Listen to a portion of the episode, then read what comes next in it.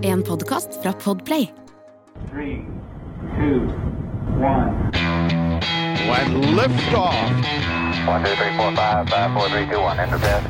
Okay, we checked all four systems, and there you go on modulation, all four, and keying with a go. And quality base here. The Eagle has landed.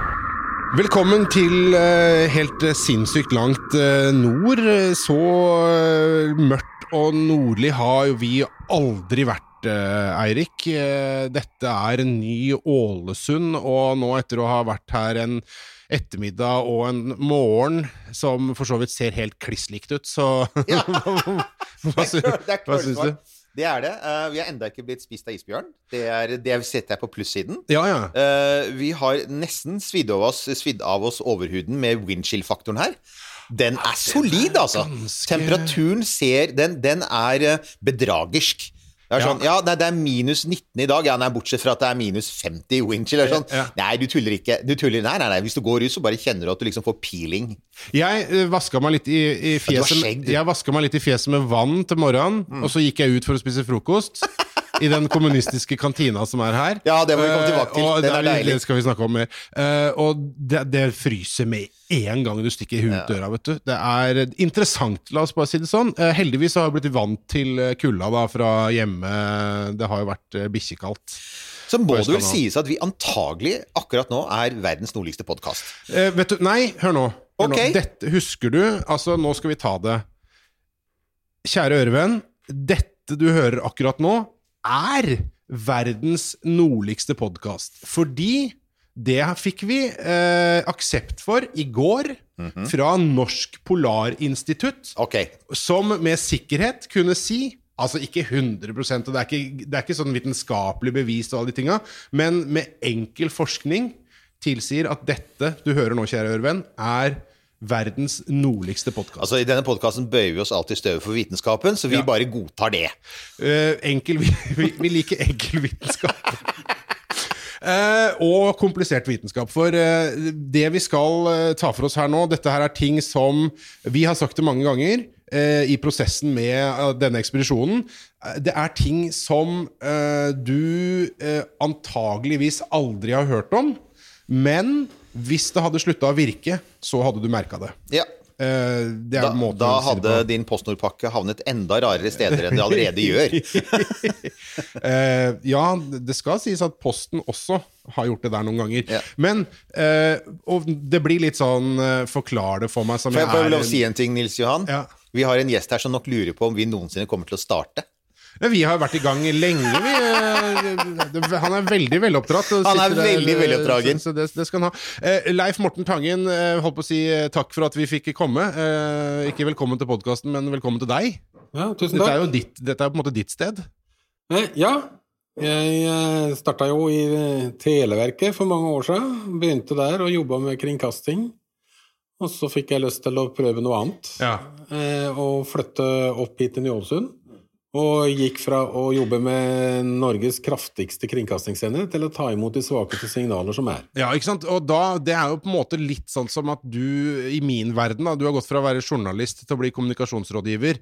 Altså, du går fra fienden, for det er sånn som jeg har skjønt det, så er jo kringkasting og det vi holder på med, det dere holder på med her i Kartverket, er jo egentlig bitre fiender. Eh, ja, når du ser på signalmessig, så derfor så er det godt at den i Ålesund ligger så langt nord, hvor det er mye mindre kringkastingsutstyr. Ja, og det kringkastingsutstyret du måtte ha med deg, det får du ikke lov å bruke. Ja. Uh, for det, det også er jo litt uh, interessant, uh, har vi Ja. lært her. Det, og det, det, det er veldig merkbart, det her der at alt må være i flight mode. Du kan ikke bare flikke opp telefonen Nei, nei. og sjekke noe. Jeg sitter jo her med en telefon som akkurat nå er en brevvekt. Og kamera. Og, og kamera. Ja. ikke sant? Ja. Ja. Eh, men altså, du er, eh, har vi lært, eh, sjefsingeniør for VLBI. Og nå kommer vi inn på dette her eh, Forklar det til meg som jeg er en eh, treåring. Det skal vi, men jeg tenker vi skal arbeide sånn stille og rolig fram mot VLBI. Okay, For at det, er, det, er noen, det er noen bakgrunner her. Altså, så at vi, vi starter med sånn god formidlingsteknikk, men at vi liksom går fra det kjente altså, til det ukjente. Du har jo tross alt eh, vært en del av den, eh, altså den der skolesekken eh, så, og gjort dette for barn. Jeg så, har gjort lar verneplikt i deg- den kult, ja. kulturelle skolesekken, Ja, det er ja. helt sant. Så, så jeg tenker jeg først og fremst altså her Vi er altså i, i Ny-Ålesund, og, og, og altså hvor, my- hvor mye er du her? Altså, er, er, er, si, bor du her, eller reiser du her regelmessig, eller? Eh, Jeg har bodd her og vært stasjonssjef her i noen år. Men nå jobber jeg fast fra hovedkontoret på Hønefoss og supporterer stasjonen her. Jeg har ikke noe fast reiseprogram. Sist jeg var her, var i august. Så, men det kan variere. Skjer det feil som du trenger ekstra hjelp på, og sånne ting, så blir det å kaste seg rundt og reise. Men ellers så blir det kanskje sånn tre-fire turer i året opp hit. Og du jobber da altså for Statens kartverk. Og hva er altså hovedoppgaven til Statens kartverk, sånn at folk får, liksom en følelse av det? Statens kartverk forbinder de aller fleste i dag med tinglysing og matrikkel. Ja, det var akkurat det jeg skulle For jeg leita i noen gamle papirer her, rydda opp i noen gamle papirer bare for noen dager siden, og da var det sånn, da var det et skjøte. Og, og der, altså Min gamle far, som han er jurist, eh, gammel advokat, og har vært eh, veldig glad i eh, sånne ting med, med gårds- og bruksnummer og, og det matrikkelkjøret, da er det startens kartverk. Ja. Ja. Det var jo eh, Tinglysingen var jo tidligere under retts- og domstolene i Norge, og så ble det overført til Kartverket, fordi det var dem som allikevel satt på informasjonen. Men selve Kartverket er jo opprinnelig Norges riksgrensekommisjon. Og vi har 250-årsjubileum i år. Gratulerer. Ok, men så hyggelig. Da, det var, da var det jo ekstra passende da, at dere ble invitert. Altså, det, var, det var tilfeldig, men, men det var jo veldig Ja. Ja, og eh, Kartverket er da opprinnelig lagd for For 250 år siden så var jo Norge under Danmark. Og de, Danmark ville da gjerne ha rede på svenskegrensa. Ja, det, Det vil vi jo var- alltid ha, egentlig. Det er greit å vite. Eh, ja. Ja. På den ene sida er det dyrsnus, på den andre er det billig. Ja. Eh, ja. Så, og det var da oppstarten, og sånn Den begynte med oppmåling, og etter hvert da for å kunne lage grensa, og kart. Og kart er jo òg veldig viktig med tanke på alt som hadde med krigføring. For hvis du hadde god oversikt over eh, terreng og sånt, så var det jo lettere å, å krige. Det er jo en velkjent sak og i dag. Ja, ja, ja. Men, men da har du det der som du sier, du lager kart, og da kommer vi til det hvordan du gjør det. For at du tenker liksom, ja, ja man går vel omkring da, Også i gamle dager, før man hadde fotografi og en del andre sånne målemetoder, og så, så tegnet man vel opp. Jo, men for at du skal vite hvor ting er, så må du på en måte ha noe sånn, du må ha noen referansepunkter, ikke sant? Ja. Og da, fordi alt beveger seg på jordkloden, og Norges første faste referansepunkt, det var flaggstanga på Kongsvinger festning. Det, Eh, La meg bare, kjære lytter, eh, dette er Romkapsel, en podkast som i all hovedsak handler om verdensrommet. Vi kommer til bear, verdensrommet. Bear with us, we're ja, getting ja, ja, there. ja. ja, men vi er allerede altså vi er, Du, hallo, vi er på Kongs, eh, Kongsvinger, festning, til Og vi skuer over mot svenskegrensa. Hvis ikke folk syns dette er interessant, så vel, da har de et problem. Ja, men det er jo det. Ja, altså, for øvrig må jeg bare si at Hvis dere hører liksom klikkelyder i bakgrunnen her, så er det altså en ivrig arbeidende mann som, eh, er, som akkurat nå tar et bilde med en hasselblad, er det ikke det? Det er en Hasselblad, ja. Ja, Ja, kan, fi- Fint skal det være. Fint skal det være. Det er ka Kamera ble med på månen, hallo. Ja, ja, Det var ja, ja. ikke noen iPhone som var på månen, altså. Det, er, eh, det var Hasselblad. Så jo, men altså Kongsvinger festning. Um, hvorfor det? Hvorfor, hvorfor var det så viktig å, å ha det første målepunktet der? Eh, Det er jo ganske nære svenskegrensa. Og da var det jo kjekt å ha et punkt som du kunne ha referere til når du skulle eh, da måle opp. For det var jo i utgangspunktet kikkerter og målbånd som eh, du da brukte for å få målt opp. Så det er langt fra den moderne teknologien vi har i dag. Og så måtte du på en måte kartlegge hele landet. ikke sant? Så etter hvert så fikk du jo punkter andre steder. For jeg har vært, altså Når man har vært ute og gått tur, så hender det man kommer over sånne Det ser ut som små varder med noe greier på toppen. Eh, altså, og Har man da kanskje kommet over et sånt målepunkt? Ja, og de målepunktene er det veldig mange av i Norge. Og de står ofte kanskje med et sånt lite trestativ med et sånt hvitt kors på toppen, så de skal være lett å se, som vi kaller et signal. Og da kunne du måle fra fjelltopp til fjelltopp hvis det var klarvær. Og så Sånn målte man seg altså faktisk. altså du, så systematisk så målte du fra fjelltopp til fjelltopp, og så etter hvert så fikk du presise kart over hele landet, da. Ja, Ja. da får du sånne referansepunkter, og som eh, kommunen for eksempel bruker når de måler opp tomta di. Da, Ja, for der har du Da har vi altså våre egne signal. På, på noen hjørner så finner du den der eh, lille jernkula som noen har kommet og dunka ned i bakken. Der er grensa di. Jeg har så- funnet en sånn på tomta mi. Ikke sant? Men så er det da du så, altså, Og så vi må jo faktisk nevne navnet på hva dette kalles. Altså geodesi. ja. Altså, for at det heter, heter også Er det Norges geodetiske opp... Nei, altså, hva er det, altså geodetisk oppmåling, er det det kalles? Nei, det var noe som het eh, NGO, Norges geografiske oppmåling. Geografisk oppmåling, ja.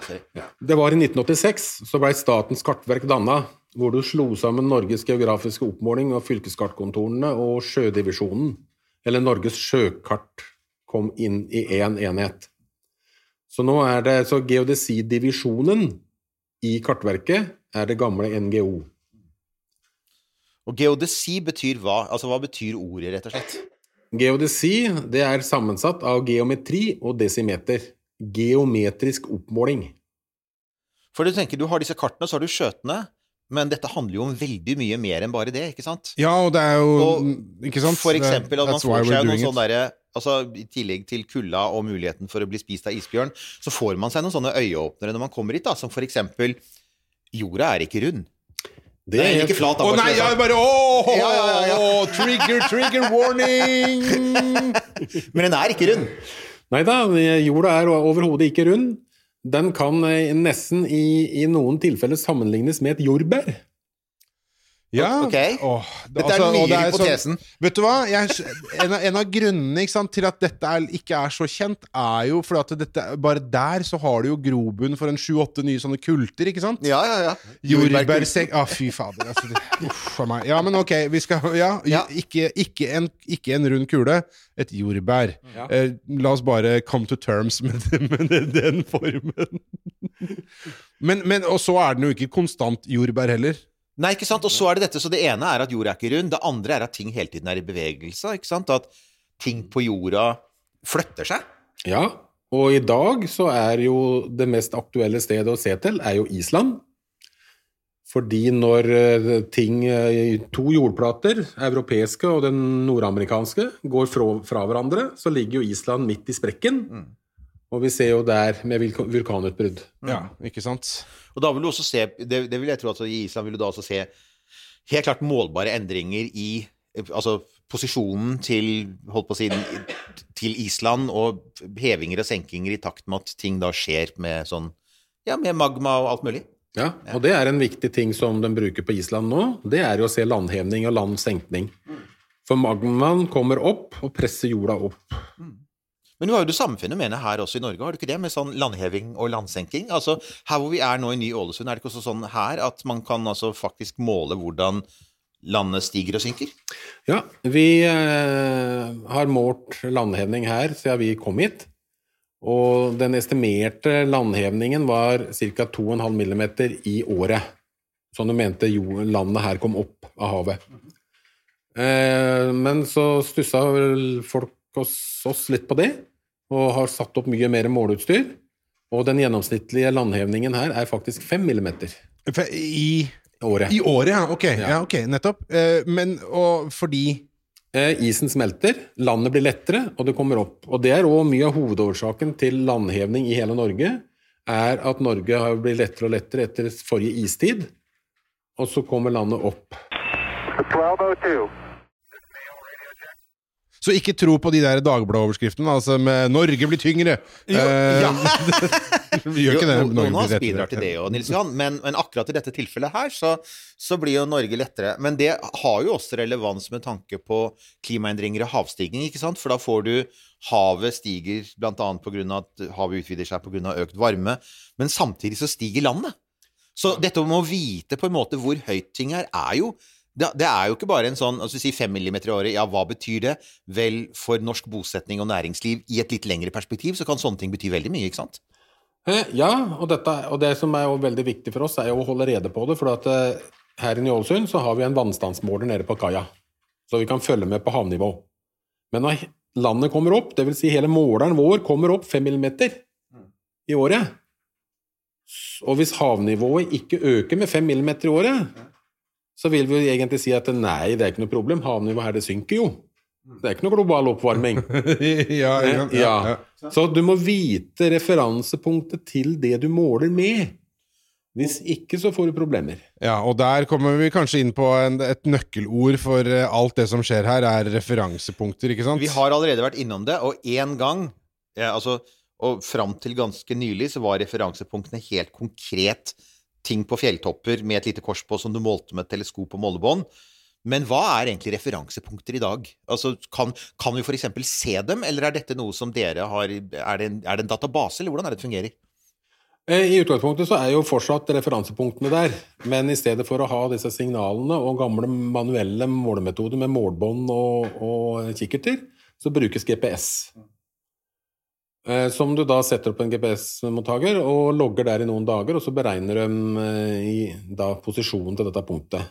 Men kan vi da si at du ikke legger mobiltelefonen din der? Hva, er det, hva slags GPS-måler er det vi har med å gjøre? Det er en eh, høypresisjons geodetisk GPS-måler. Og, og hvorfor er det viktig at den er der over lengre tid? da? Altså, hvorfor kan du ikke bare gå opp og trykke på en knapp, og så har du gjort målingen? Eh, En stor eh, bit som er veldig viktig å holde rede på, og prøve å få vekk mest mulig feila, er at GPS-signalene må gå gjennom atmosfæren. Og atmosfæren den gjør sitt til at du får problemer fordi forskjellige frekvenser går gjennom atmosfæren med forskjellig tid. Dette kan være med brytninger, sånn at ett signal går en kortere vei enn en annen gjennom atmosfæren. Og hvis du da logger over flere dager, så kan du midle vekk sånne feil. Du mange datapunkter, så kan matematikken redde deg. Eh, vi har en egen hjemmeside i Kartverket som heter Se solstorm. Og solstorm er veldig eh, avgjørende for hvordan atmosfæren påvirker radiosignalene. Så hvis dere går på hjemmesida Se solstorm, så kan dere se hvor de kommer og treffer jorda. Og det vil òg kunne gi deg beskjed at nå blir GPS-en din dårligere. Men altså, men, eh, bare sånn for at uh, det kommer til å være viktig videre også. Når du sier GPS-en kommer til å bli dårligere, hvor mye dårligere snakker vi om? Altså, hvor, hva er presisjonsnivået på de målingene som gjøres her? På høypresisjonsmålinger så snakker vi om millimeter. Ok, ja, da, Det bør være godt nok for PostNord. Ja, Ja. Men, men det er klart at for, vanlig, for vanlige brukere så er jo dette en helt annen Da er det jo mye lavere.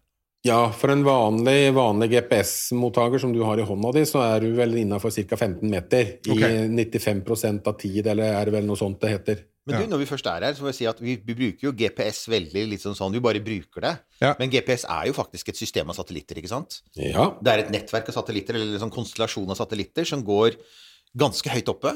20 000 km. 20 000 km, altså langt over lav jordbane. Heldigvis langt unna alle disse her mulige kinesiske og russiske våpentestene og sånn, så det er, det er trygt sånn sett. Eh, og der er jo ikke bare posisjonen til satellitter, men også, der er vel også tidssynkronisering viktig, er det ikke det? Ja. For at vi, for, og det er jo en sånn ting som vi også må komme litt tilbake til her. For at vi har jo nå vært og sett på et veldig presist ur i, kjelleren under oss. Ja, en, gammel eh, Nå husker jeg ikke hva det heter. Maser. Maser, ja. En Ja. gammel maser. Eh, ikke Mauser, eh, det er sikkert noe av det her også, men en gammel maser. En veldig nøyaktig at, Atomur. Ja, for, det, for, det, ikke sant? for det er sånn, du, du trenger ikke bare posisjonen, men du trenger også tiden, ikke sant? ja. Og tiden er jo veldig, veldig viktig. I, det er grunnpilaren i hele opplegget. Og derfor GPS-satellitter de har jo cesiumklokker om bord. Og, eh, og den hydrogenmeiseren den er ca. 30 ganger mer nøyaktig. En cesiumklokke går ett sekund feil på ca. 30 000 år, mens vår aktive hydrogen, hydrogenmeiser går ett sekund feil på én million år. Og grunnen til at vi ler nå, var fordi at det var en liten anekdote Ja, her fra, fra gårdskvelden. Eh, vi liker jo eh, digresjoner her, så vi, vi, vi må nesten ta den. Du må for det ta det den ett sekund på en million år. Involverende en viss norsk politiker. Eh, ja, det var Jørgen Kosmo. Ja. Ja, Jørgen Kosmo var på besøk her for, eh, for mange år siden. Kan bare si at altså, For dere som er litt yngre, han var en virkelig fargeklatt. Bokstavelig talt i norsk politikk. Ja. Er det ikke han som er kjent for å ha stilt i lys dress på et Nato-møte, og i det hele tatt, han var en fargerik figur. Da han var forsvarsminister, ja. eh, Stemmer. eh, Forsvarsministermøte i Nato. Og alle hadde selvfølgelig propert mørk dress. Ikke Jørgen Hårek Kosmo fra Horten, nei. Nei da! Den var litt sånn kremhvit-gul. Det var deilig. Det var et fint bilde. Det kan dere google, kjære generasjon Z.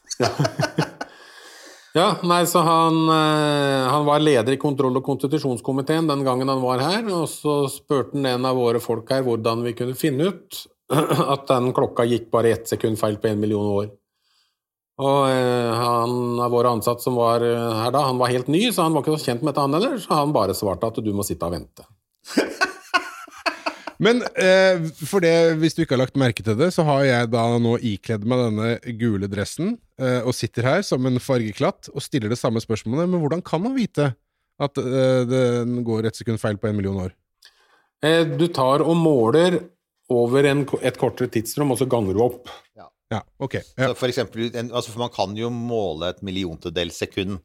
Eh, Det er, altså, men du hører jo presisjonsnivåene her. Ja, ja, ja, altså, det-. Presisjonsnivåene er helt crazy. Og det, jeg syns jo det altså, at alltid er så fascinerende at det er liksom sånn der, du setter en null, og så er det 0,0, og så er det sånn 13, 14, 15, 16, 17 nuller.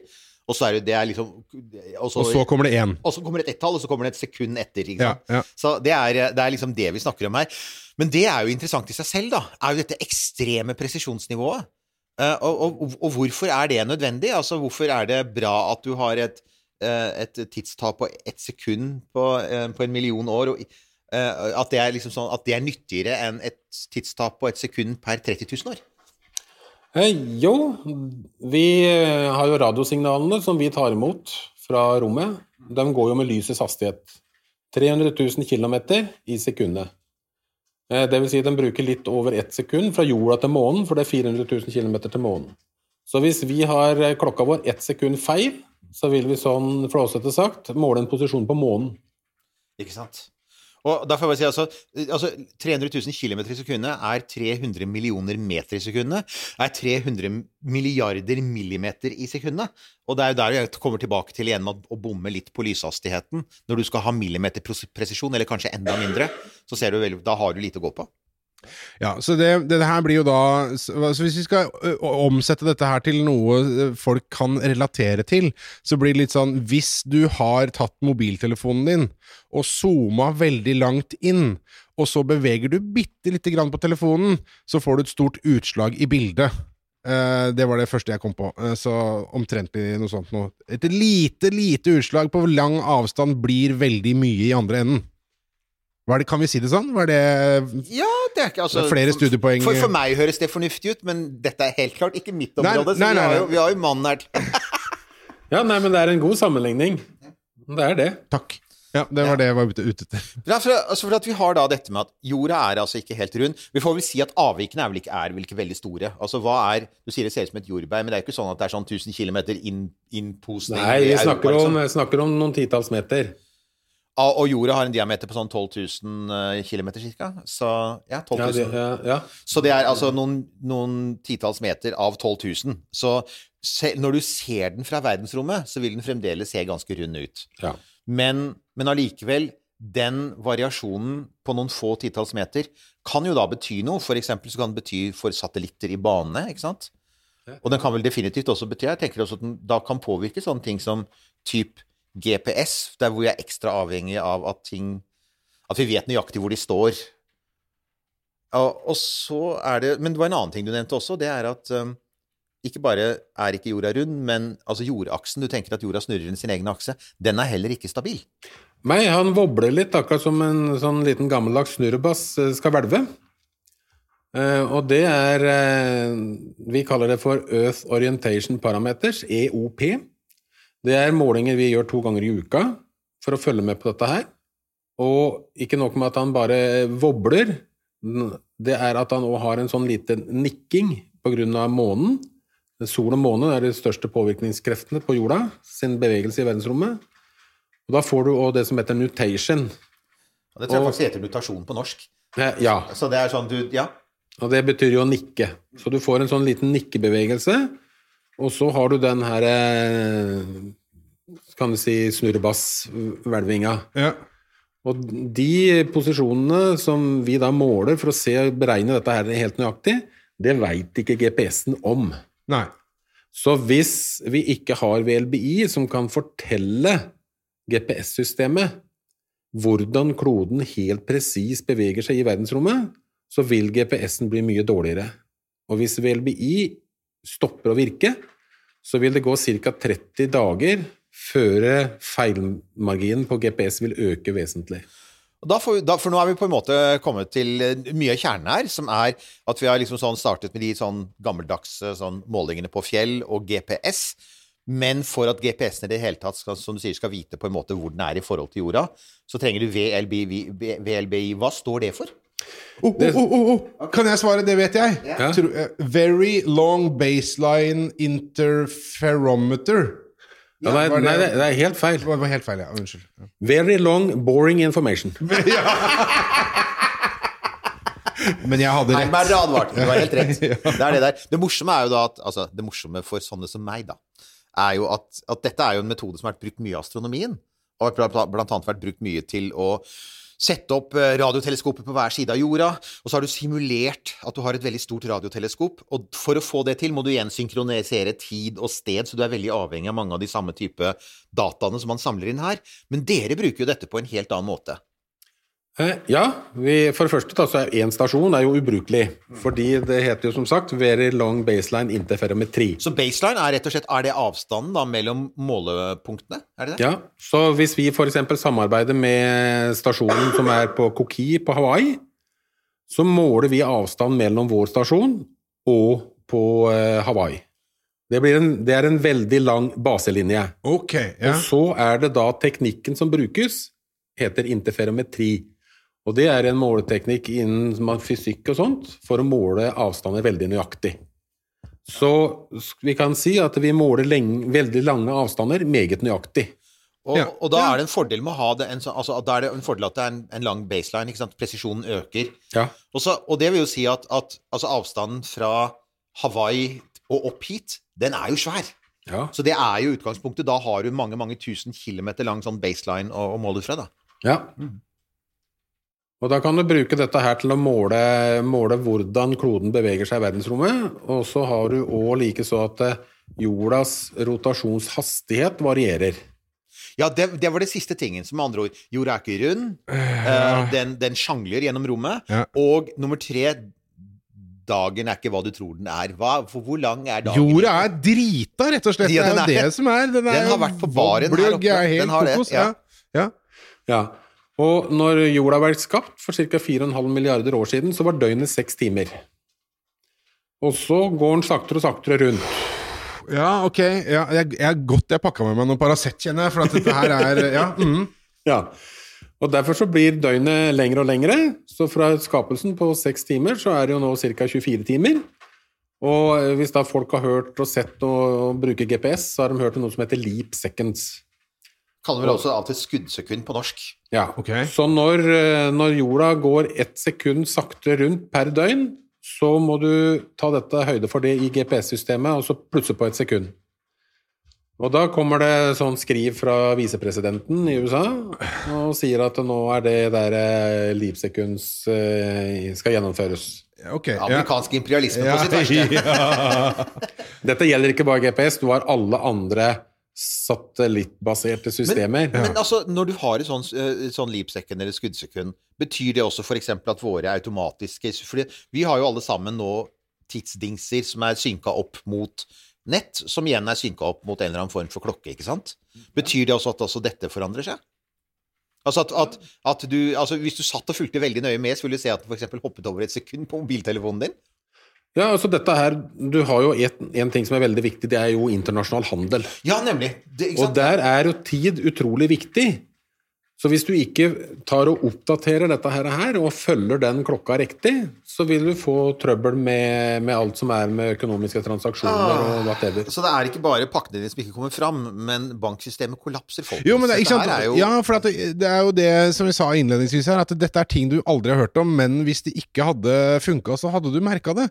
Eh, og selv om du antageligvis personlig ikke hadde umiddelbart lagt merke til at eh, internasjonal handel hadde blitt eh, disrupert, så hadde du etter hvert lagt merke til det, fordi eh, all børsen hadde kollapsa, alt hadde gått til helvete. Altså, de burde ha en ny tagline for dette stedet her. Ny Ålesund på jobb for kloden. Synes- Oh, den der kan du charge for. Oh, den, den, ja, ja, ja. faktur, den kan du Neste fakturere gang for. kommer politikere opp hit og bare sier at vi er på jobb for kloden. Men, men, Men nei, på jobb for jordbæret. Ja, og det er Petter Stordalen vil jo helt sikkert være enig med deg. du Og oh, nå, ja, blir, vi ja, nå er vi on fire her! Dette er Ah, ja, det, men det er jo et tema for seg, er jo hva som ville skjedd hvis det hadde landa et Strawberry-hotell her. Mm, ja, da, da tror jeg vi hadde hatt problemer med Bluetooth og diverse ting. Det er det nye her nå. Det er ikke What would Werner von Brown do? Det er eh, What would Petter Stordalen do? Det er enda Det er uforutsigbart, altså.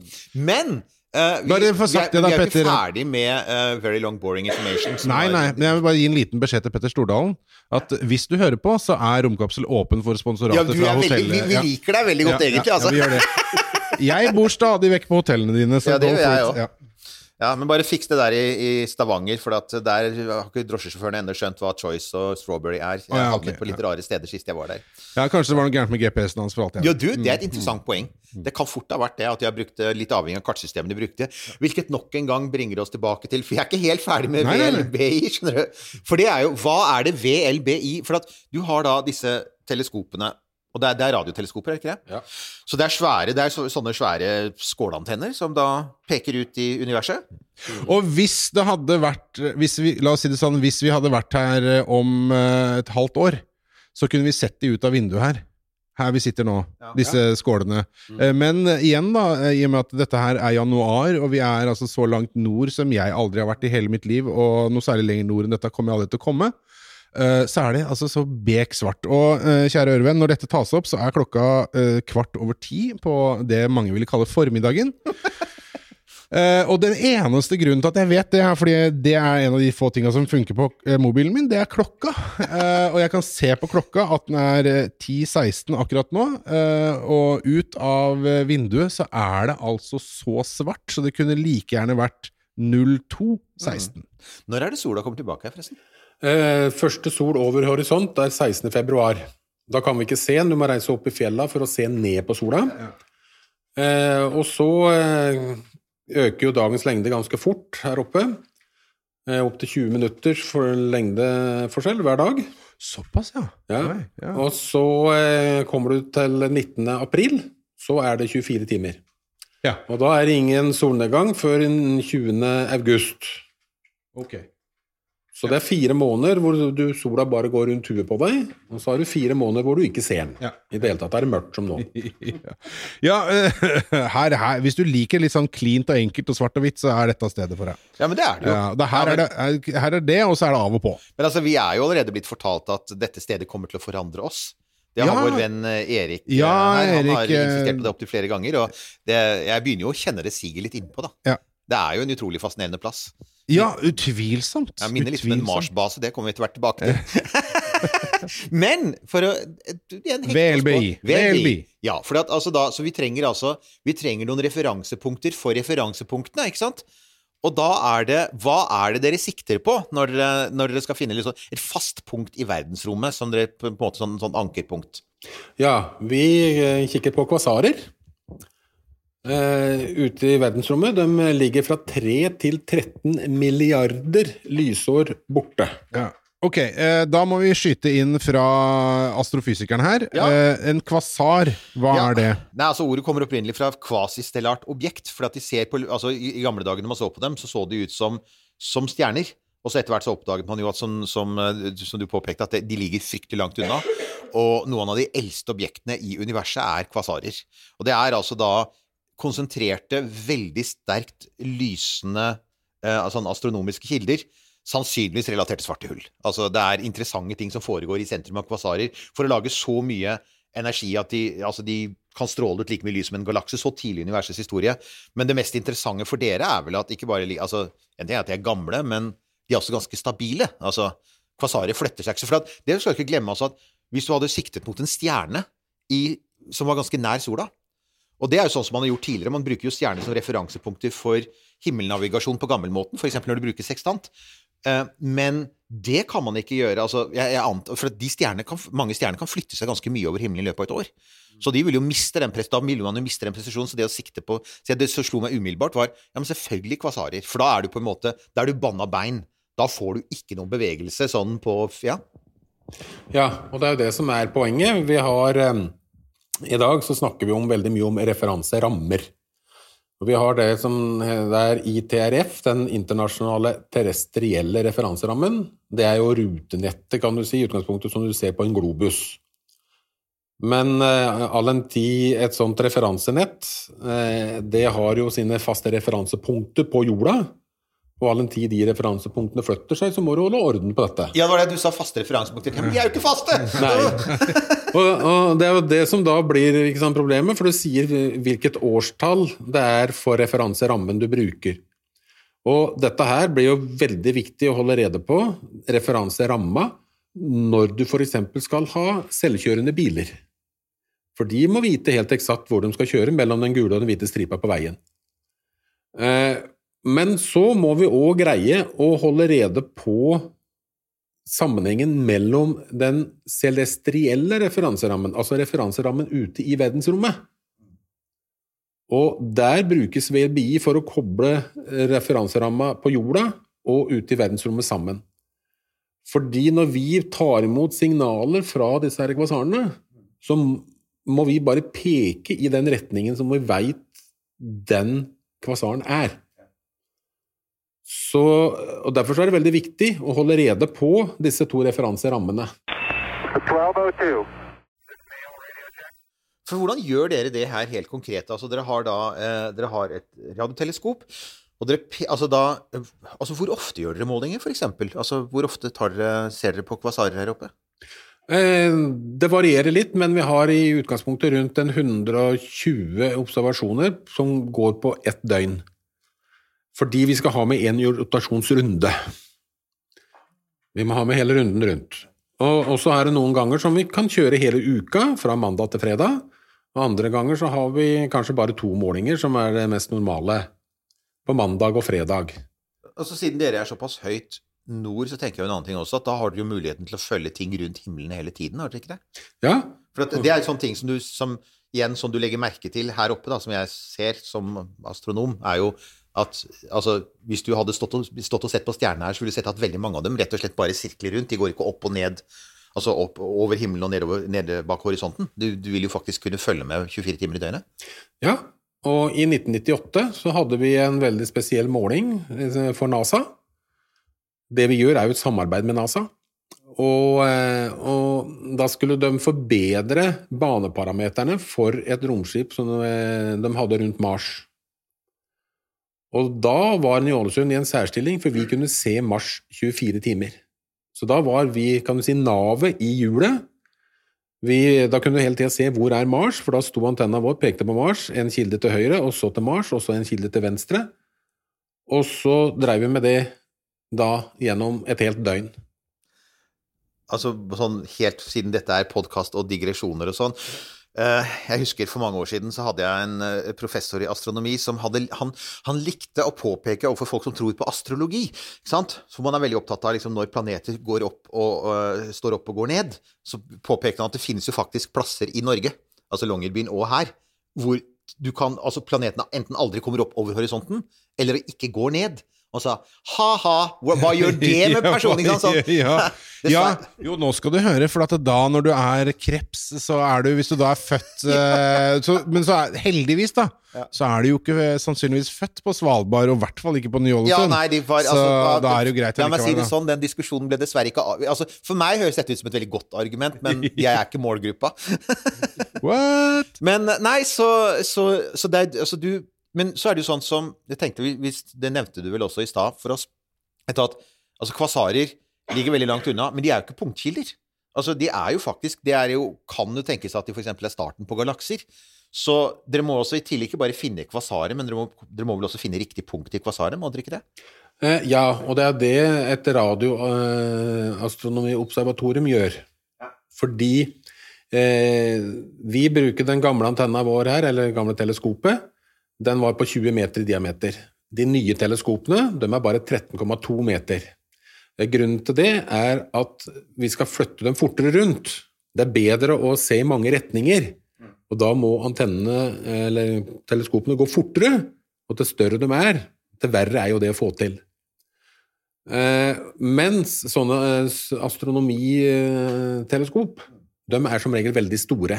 Og de skal jo stå stille, for de skal analysere én kilde. Og de er jo ofte, sånn som på Jebes i Spania, så er den 40 meter i diameter. Og da følger den, og så går den og finner ut hvordan kilden ser ut. Og så kan vi bruke kilden etterpå til et referansepunkt for VLB-målinger. Så hovedoppgaven vår er å, å bruke kan du si, ferdig detekterte, analyserte kilder.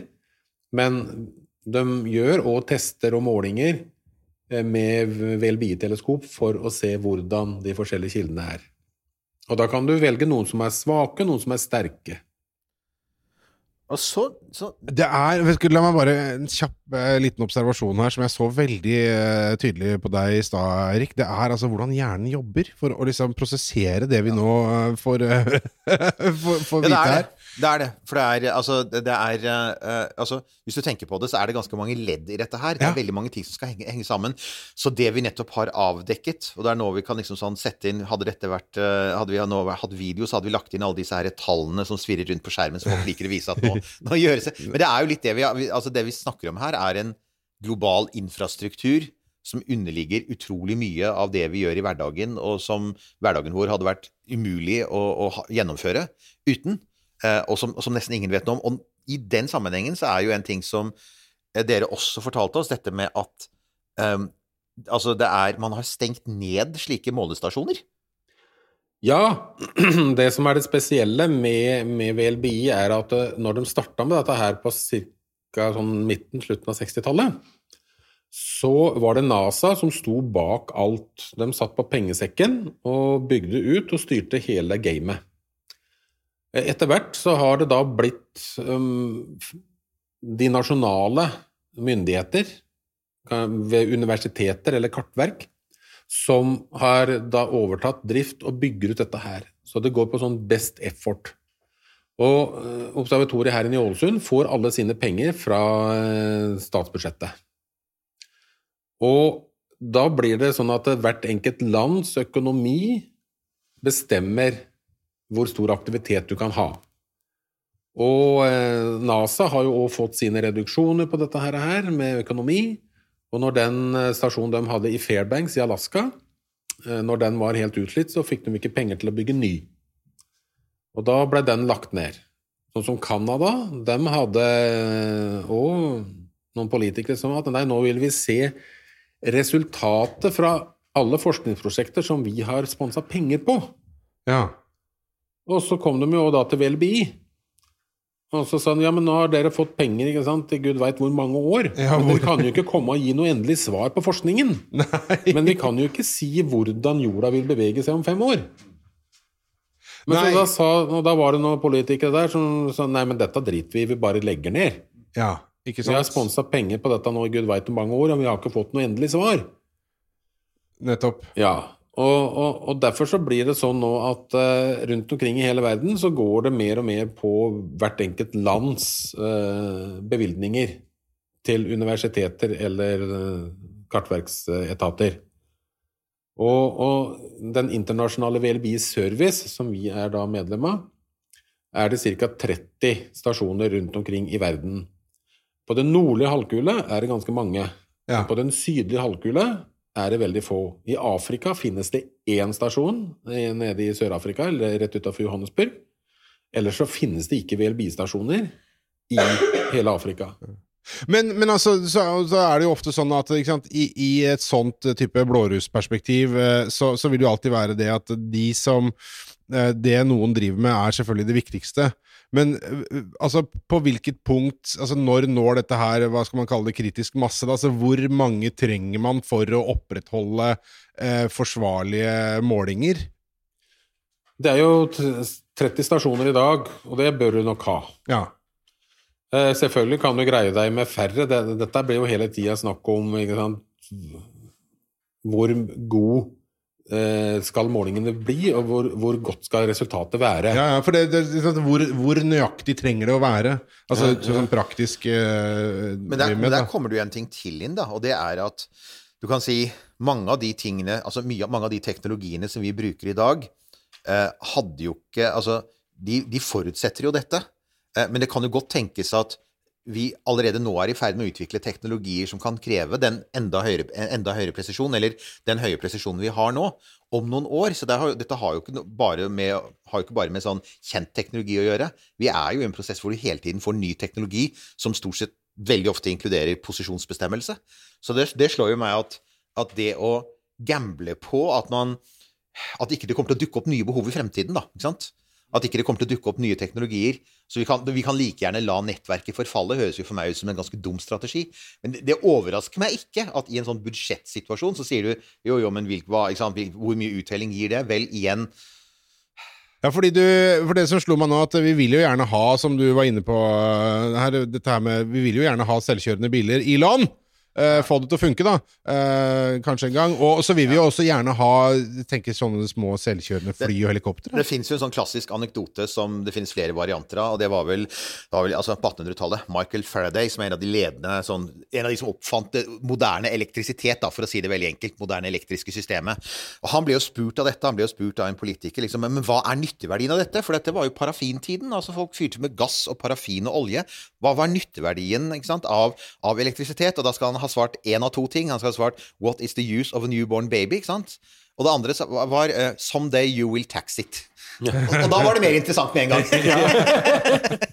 det dette er en sånn såkalt sånn apokryf historie, men jeg syns den er god, for at den sier akkurat det at når du har Når vi jobber med teknologi, så veit vi aldri helt hva vi får. Og det eneste vi kan være sikre på, er at det er lurt å ha best mulig infrastruktur for den teknologien. Kan jeg bare få lov til, Nå har jeg sittet litt sånn på, på hjørnet her, jeg har en, en liten observasjon, for jeg syns det er veldig gøy å være på et sted hvor jeg eh, sitter og ser et overvåkningskamera av en sånn stort, eh, som jeg nå vet, 13,2 meter diameter eh, teleskop. Eh, det er veldig gøy. Og ved siden av der så er det bilde av en sånn eh, dom, sånn teleskopdom. Um, folkens, dette er Ny-Ålesund. Um, Ja, er vi er fremdeles helt nyankomne her, så vi har liksom ikke helt vent oss til alt det som er så spesielt her. En sånn siste liten ting er jo dette med, med radio, ikke sant. Altså, eh, jeg antar at en av grunnene til at man er så strenge på bruk av wifi, eh, Bluetooth, andre typer radiosendere Ja, nå er det jo, nå er det jo mulig med Det ble jo nylig satt opp noen mulighet for mobiltelefoni her, men jeg antar at det ikke kommer i konflikt med de frekvensene dere jobber på, da. Det er utafor det frekvensbåndet som eh, er beskytta i fribruksforskriften. Ja, for at Og, og igjen, altså dere, dere sikter jo da annet mot kvasarer, og kvasarer ligger altså langt unna, hvilket vil si at signalene er sjukt svake. De er veldig lyssterke, altså, eller de var. Dette er, sånn, dette er sånn som du veldig fort kan få påpekning på fra lyttere, og dere har helt rett. Ja, ja. Det vi ser, er selvfølgelig noe som fantes for 13 milliarder år siden, og finnes garantert ikke nå, eller finnes da i en annen form. Men de er jo veldig lyssvake, eller veldig energisvake, for det er jo radio.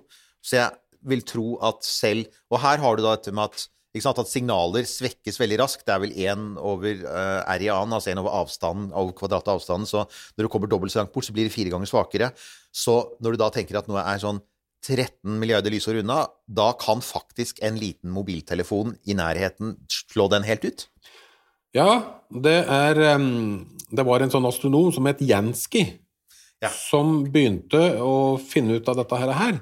Og derfor så er jo målenheten Janskis. Og den er i minus 26, altså 0, og så 26 nuller, før du begynner med et tall. ok. Ja, Ja, det er én Jansky. Ja. Er 0,26 nuller og så et eller Er det, annet er det tall. watt eller Ja, sånt, eller er det Det er watt per kvadratmeter per Ja. hertz. Der er det. Så, Ok, ja. så, så, så det, er, det er ekstremt, ekstremt ekstremt svake eh, små energimengder vi snakker om her. Ja. Og det skal fryktelig lite til før det slås ut. Så, det, så dere er jo veldig avhengig av at det er eh, radiostillhet her. Eh, ja, altså det som jeg vil si som er det enkleste å sammenligne med, det er når du er på byen, så er du på et diskotek, og de spiller så høy Nei, det, du, du, du, om igjen, Eirik og jeg, vi er ikke på diskotek. Nei, Nei, men i deres yngre dager. Alle, alle våre kule lyttere som har et liv, dere er av og til på diskotek. Nei, ja, ok. Ja. ja. Men Det som er saken, da, er det at der spilles det jo som regel veldig høy musikk. Og du kan jo prøve å føre en normal samtale på et sånt sted. Det går ikke an. Nei, det går ikke. Du må skrike inn i øret til han vedkommende personen du skal prate med. Ja. Og, og jeg vil si at det er akkurat det samme for oss her på vårt observatorium. Eh, når du kommer med mobiltelefonen din, og du har Bluetooth eller Wifi på, så er det musikken på stereoanlegget. Og antenna, eller teleskopet vårt, det er en vanlig stemme. Og du veit at det går ikke an å gjennomføre en samtale på et sånt sted. Og i hvert fall ikke hvis du skal prøve å stå en meter unna en person. Da må man i så fall være veldig god til å lese på leppa, og det kan ikke våre teleskop. Og med de bevingede ordene Nei, det er for dårlig teknologi, folkens. Her må vi bare skjerpings. Um, skal vi eh, runde av denne runden? Det kommer selvfølgelig Det kommer mer. Det kommer eh, fra, mer, fra, eh, fra Ny-Ålesund, eh, utvilsomt. Kjære Ørven, takk for at du henger med oss. Og, og tenk på denne episoden som en slags sånn uh, digresjon. Nå har du lært noe. Altså, hvis du er på jakt etter sånne ting, ok, hva kan man bruke disse romgreiene til, da, som har noe for seg, noe sånn rent konkret og nyttig, ja, så er dette en av de tinga. En ting som du aldri hadde hørt om, eh, men som du nå vet litt mer om, og som gjør deg til et, bare et smartere menneske. Gjør deg til et smartere menneske, og til den der personen andre ikke vil sitte ved siden av på fest. For de har sier ja, men hva er poenget med space? Så kan du lene deg over og så kan du si har du hørt om VLBI? Ja, eh, Det er hvis du bare vil eh, ikke bli invitert til de folka igjen. Ja. Eh, Så eventuelt ta kortversjonen, så går det bra. Dette har vært Romkapsel. Vi er selvfølgelig på de vante stedene. Ikke akkurat nå, da, for da er vi ikke på noen av de stedene. Da er vi akkurat her. Nå er vi veldig i nuet. Men når vi kommer oss herfra, så er vi på de vante stedene. Facebook, Instagram osv. Og, og romkapsel.no. Der kan du gå inn og kjøpe T-skjorter og kopper og alt mulig Ja, sånne ting. det- det Den vanlige vanlige avslutninga. Ja, det eneste stedet du ikke finner oss, er diskotek. Du har hørt en podcast fra Podplay. En enklere måte å høre podcast på. Last ned appen Podplay, eller se podplay.no.